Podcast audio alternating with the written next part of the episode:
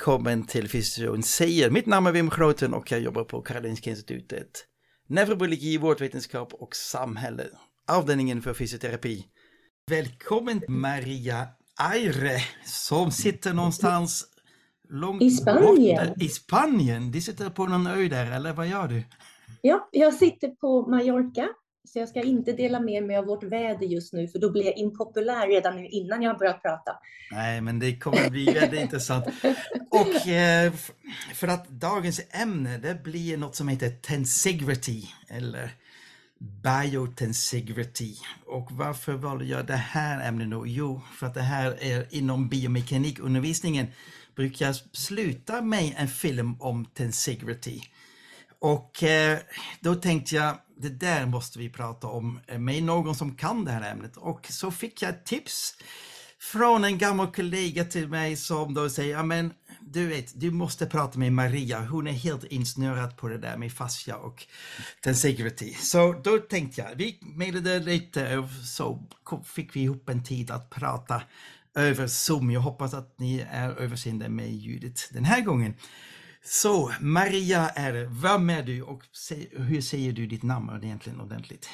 Och det sägs helt olika beroende på språk. Ja. Eh, och dessutom med min oförmåga att säga ett rullande R så säger jag det helst på engelska, så det är ja. air som luft. Okej, okay, vad bra. Ja. Och jag tänkte bara börja med att säga att insnöad är helt rätt ord eh, för min fascination med fascia och biotensegrity. Eh, så under covid så eh, tyckte barnen att de hörde ordet fascia oftare än både covid och Trump, trots att det var val i USA. Vad bra. Men du, innan vi börjar där, vem är Maria då? Vad gör du? Är du fysioterapeut, sjukgymnast eller? Ja, jag tog examen på Karolinska 98 och sen jobbade jag en tag i England på eh, NHS. Just nu så jag jobbar jag med hälften hästar och hälften människor jag har de senaste nu nästan fem åren kommit in på biotensegrity och fascia och eh, gått kurser och utbildningar för diverse olika duktiga. Eh, jag går just nu en vidareutbildning på två och ett halvt år i Irland för John Sharkey, eh, vilket är väldigt givande. Så ja, jag är totalt insnöad på fascia. Vad roligt att höra, för att då får du berätta. Vi börjar verkligen från början ordet tensegrity, var kommer det ifrån och vad betyder det?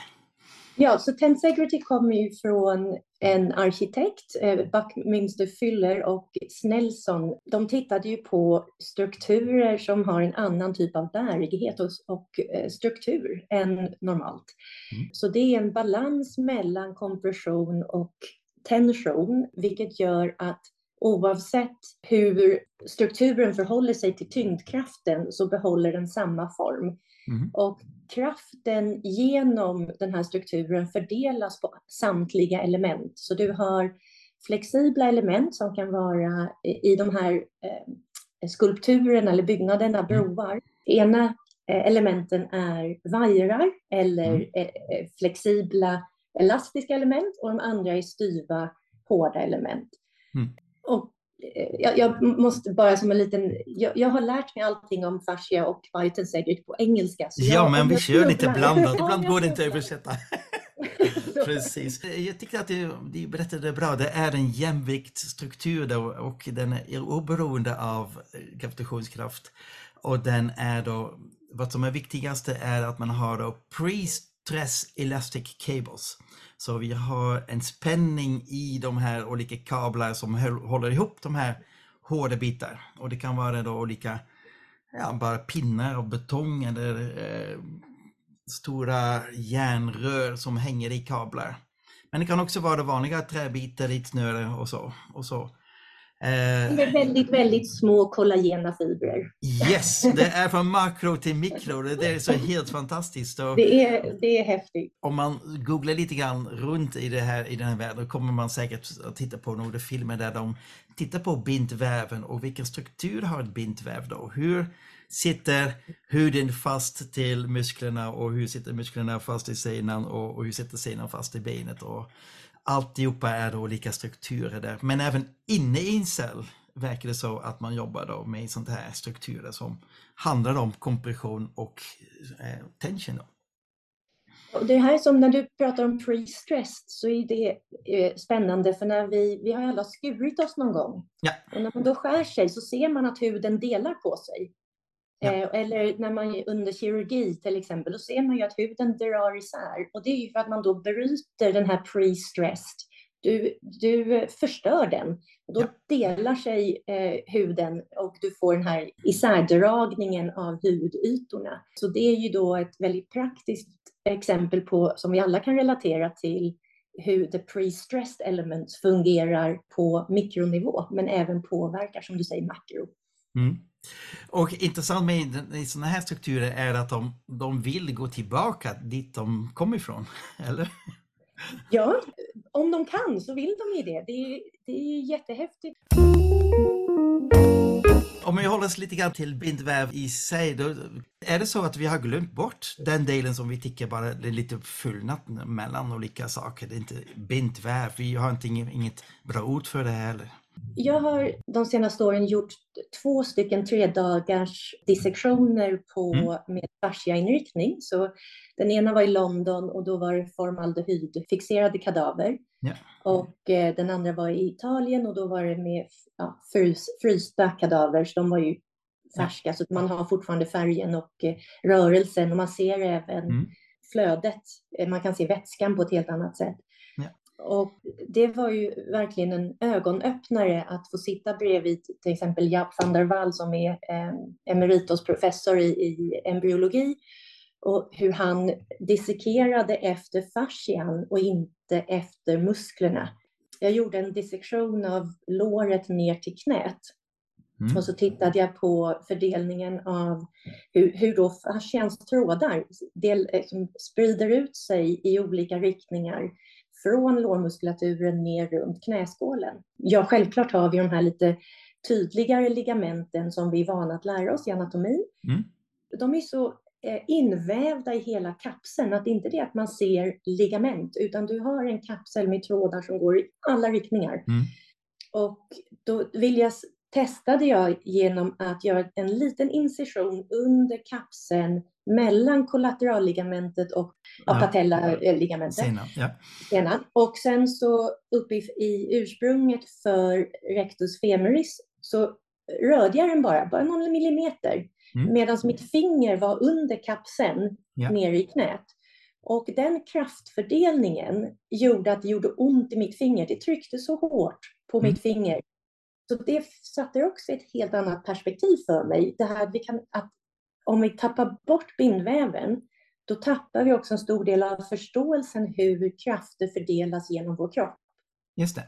För att det här, det här, jag tror ordet pre-stress är ganska viktigt, att vi, får, att vi måste ha en spänning mellan olika saker, annars kommer det inte den här strukturen att, att fungera. Och det är då, precis som ni säger, vi måste ha vätska som trycker ut allting. Vi måste ha ett, en, en pump och naturligtvis när vi har kan man säga, kadaver då, då finns det inget tryck inifrån heller och då tappar vi då den här pre-stress. Ehm, intressant att eh, de flesta som pratar om det här, de pratar om, om kaos vad gäller i, i själva fiberriktningen. Den ligger bara huller om buller och det kan gå åt alla håll och kanter. Om vi rör oss från mikro nere på cell, alltså mikroskopnivå, då förstår jag att man pratar om kaos, för det ser ut som de går ostrukturerat i alla riktningar. Ja, fractals. Ja, eh, men det har ett, ett system. Eh, men om man tittar på lite mer makro, så när man dissekerar, Ja. då är det oerhört vackert. Det är det så jag kan beskriva. Det är oerhört vackert och fascinerande att se hur de här kollagenstråken i då olika lager organiserar, överlappar, glider mot varandra Mm. omsluter vävnader.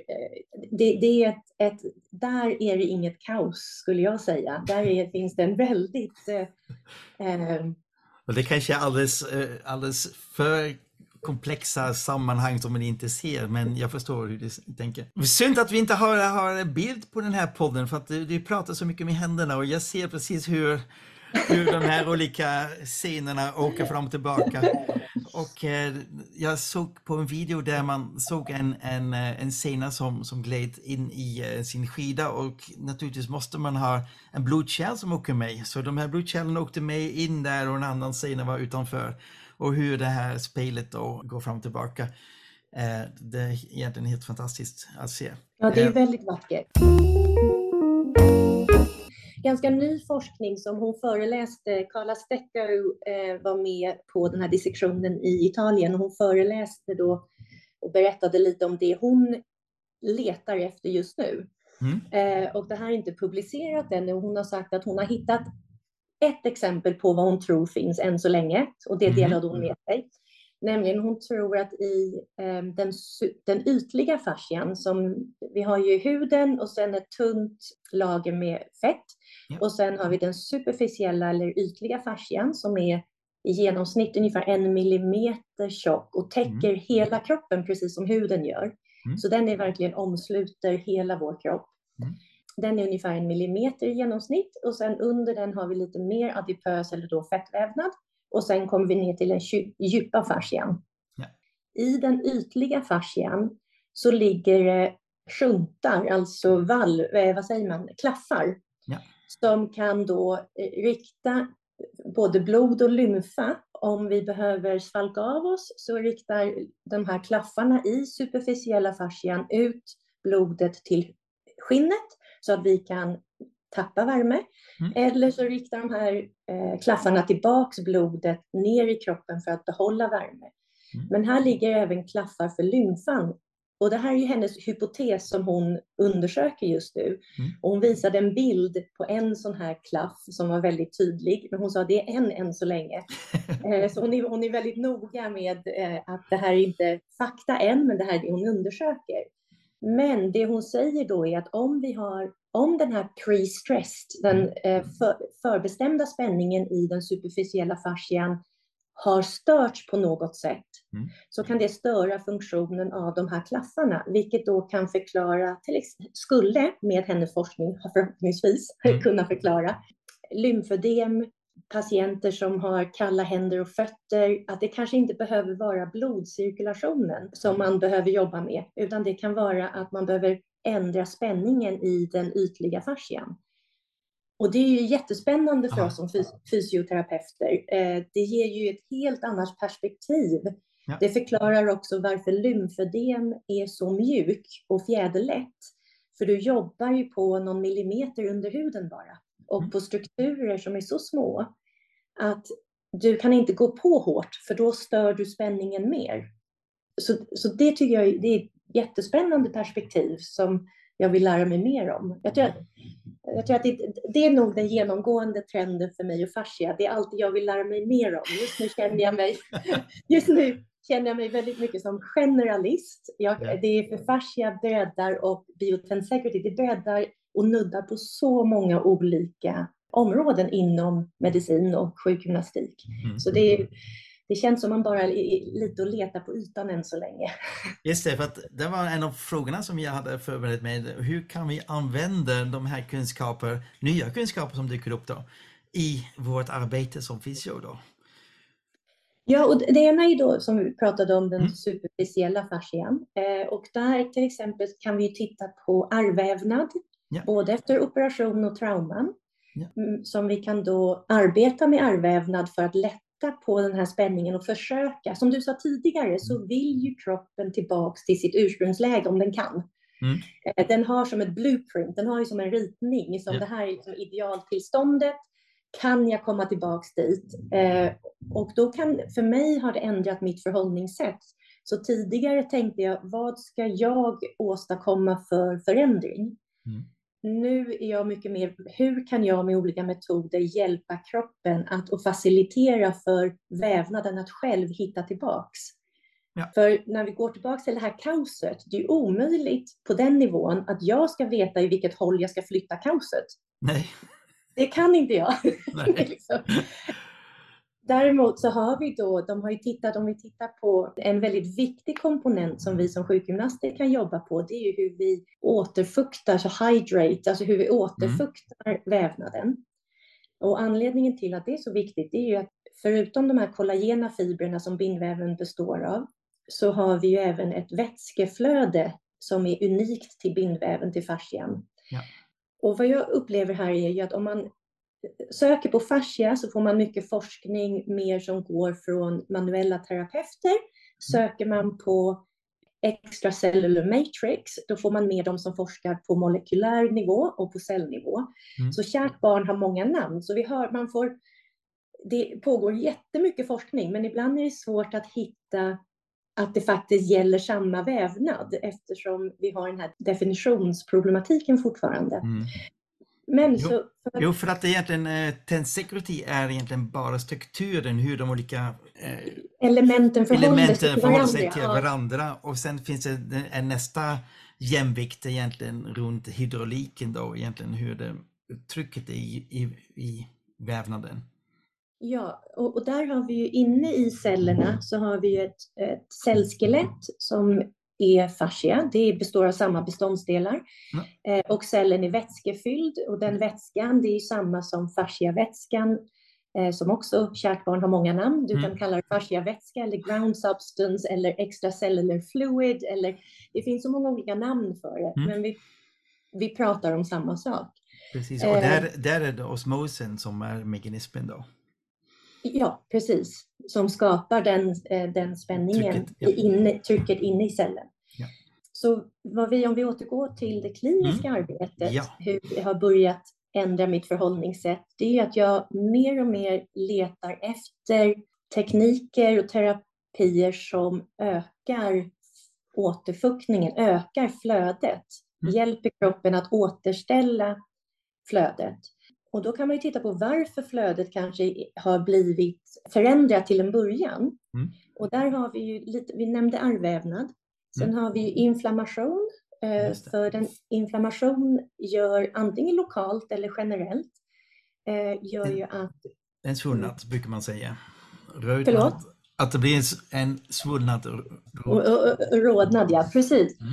Sen kan man ju, så, så det gör ju att pH i vävnaden lokalt under den här ändrar sig. Och när pH ändrar sig, då ändrar sig storleken på molekylerna i den här extracellulära vätskan, mm. i fasciavätskan. Och då blir den klibbigare, tjockare och då sjunker ihop och då fast, alla de här fina lagren som ska glida mot varandra, mm. det, blir, det blir ett större motstånd och så glider de inte och så klibbar de ihop sig. Och då kan man, man titta på olika sätt som man då kan öka flödet i de här olika lagren för att de kan återfå sin naturliga glidfunktion. Mm.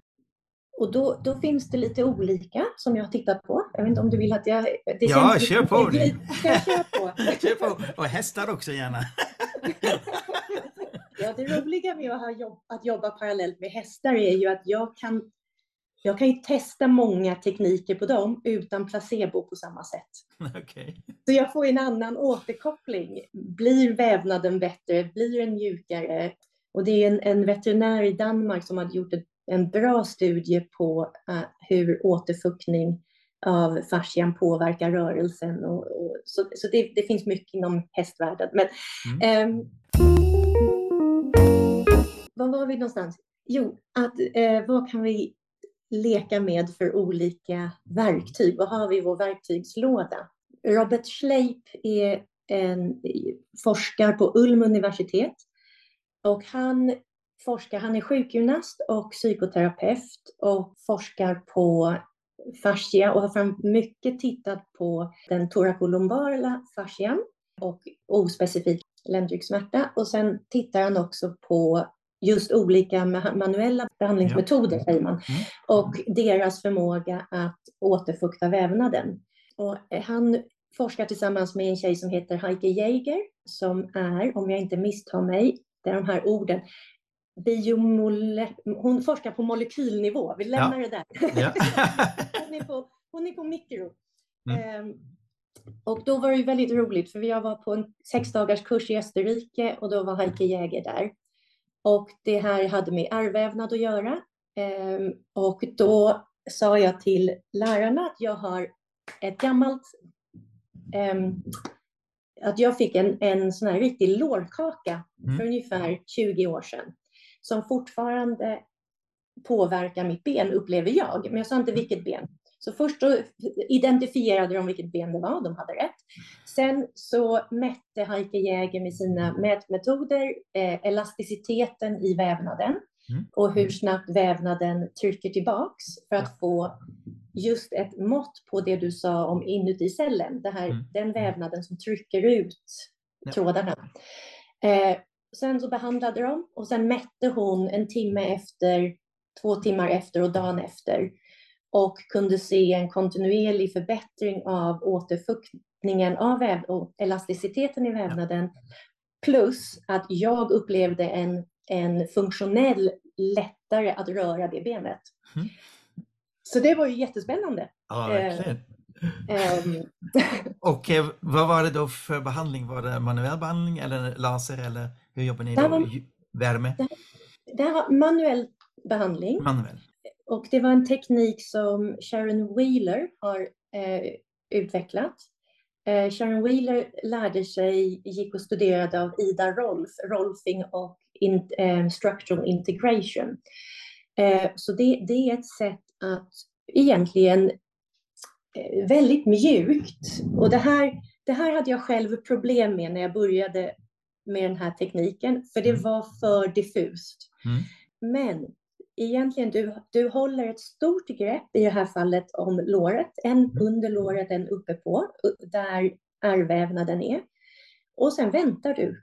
Och sen upplever du att du har den här pre-stressed kraften mellan händerna. Du, trycket är ungefär som en vattenballong. Mm.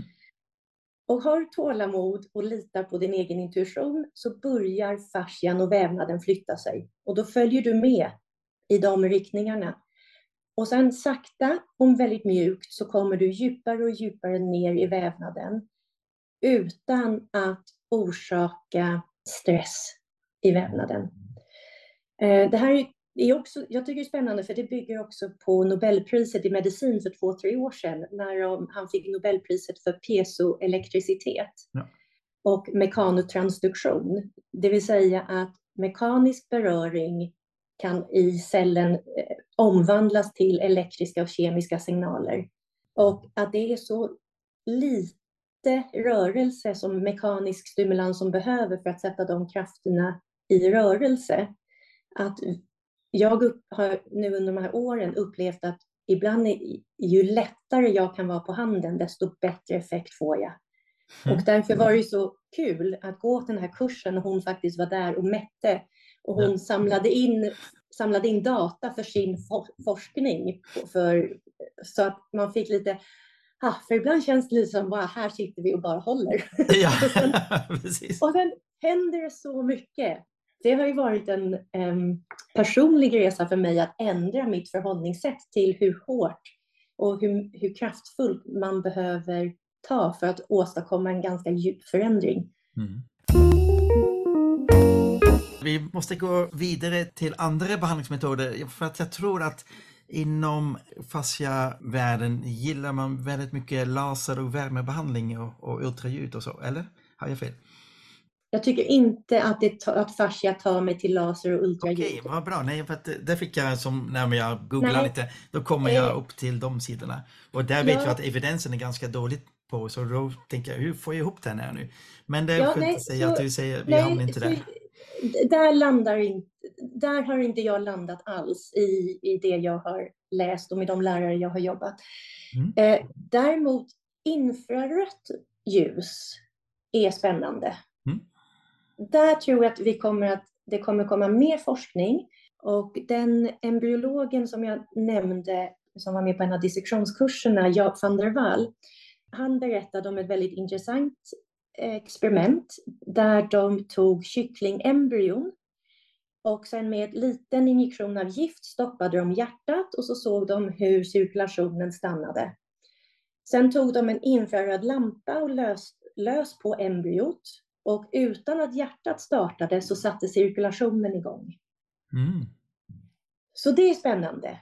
Ja. Eh, och det här leder oss då, och här är vi ju, om vi väldigt mycket av forskningen på fascia och biotensegrity börjar bli etablerat, för det har ändå pågått i 20 år. Det finns bra studier.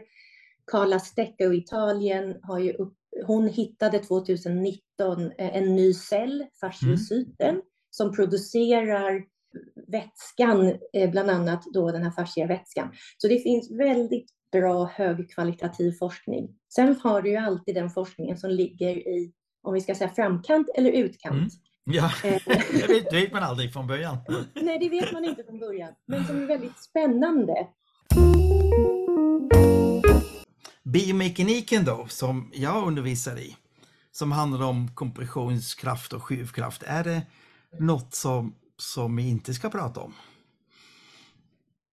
Om jag får bolla tillbaks då ja, eh, och fråga, för du berättade för mig just att du i slutet av den modulen visar den här filmen om biotensegrity. Ja. Så då var jag jättenyfiken att få höra hur du, varför och hur du tänker då. Just det. Jag brukar göra så här att jag brukar undervisa då eh, i min undervisning om biomekanik att vi har krafter och gravitationskraften som gör att det blir en hävarm någonstans inledd. Och alla vet, eh, och håller man upp en matkasse långt borta från, från kroppen då är det jättetungt. Och håller man den nära så där har de hävarmar. Så musklerna jobbar med hävarmar. Och eh, när en muskel drar ihop sig då eh, blir det då den rörliga delen trycks då mot något som är fast. Och då blir det kompressionskraft, men även drar muskeln den delen eh, uppåt eller längst med, med ledytan och då blir det skjuvkraft. Och på så sätt vet vi att vi har fått artros i våra leder och ett korsband går av. Det är alldeles för mycket skjuvkraft då.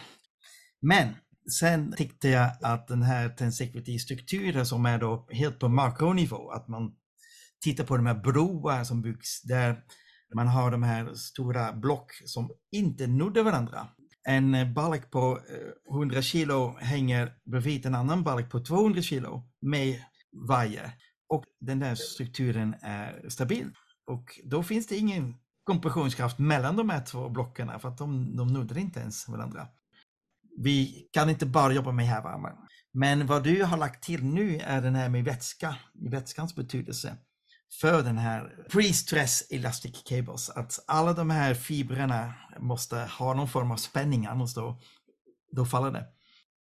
Ja, och jag, jag skulle vilja då koppla till gånganalysen. Jag tycker ja. det är ett underanvänt redskap. För jag tror att kan vi bli som terapeuter duktiga på gånganalys så tror jag att vi blir bättre på att se var i kroppen spänningen har ändrats och sitter fast. För det kan ju vara så att man stukar foten men man får nackspärr och då kan vi inte behandla bara symptomet. Vi måste.